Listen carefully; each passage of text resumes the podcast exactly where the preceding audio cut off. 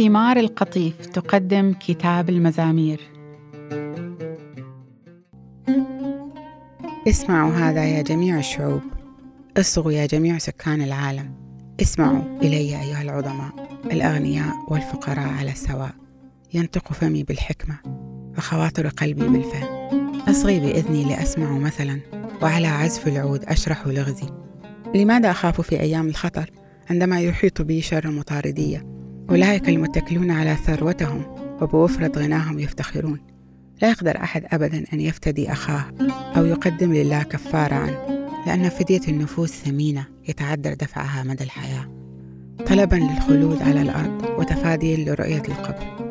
لكن الحكماء يموتون كما يموت الجاهل والغبي تاركين ثروتهم لغيرهم يتوهمون أن بيوتهم خالدة وأن مساكنهم باقية من جيل إلى جيل. فأطلقوا أسماءهم على أراضيهم تخليدا لذكرهم. ولكن الإنسان لا يدوم على الرغم من غناه بل إنه يشبه البهائم التي تفنى. هذا هو مصير الجهال الواثقين بأنفسهم ومصير أعقابهم الذين يستحسنون أقوالهم. يساقون للموت كالأغنام ويكون الموت راعيهم ويسود المستقيمين عليهم. تبلى صورتهم وتصير الهاوية مسكنهم. إنما الله يفتدي نفسي من قبضة الهاوية إذ يأخذني إليه.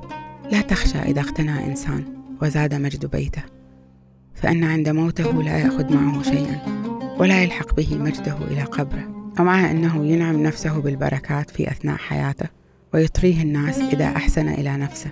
ألا أن نفسه ستلحق بآبائه الذين لا يرون نور الحياة إلى الأبد. فالإنسان المتمتع بالكرامة من غير فهم يماثل البهائم البائدة.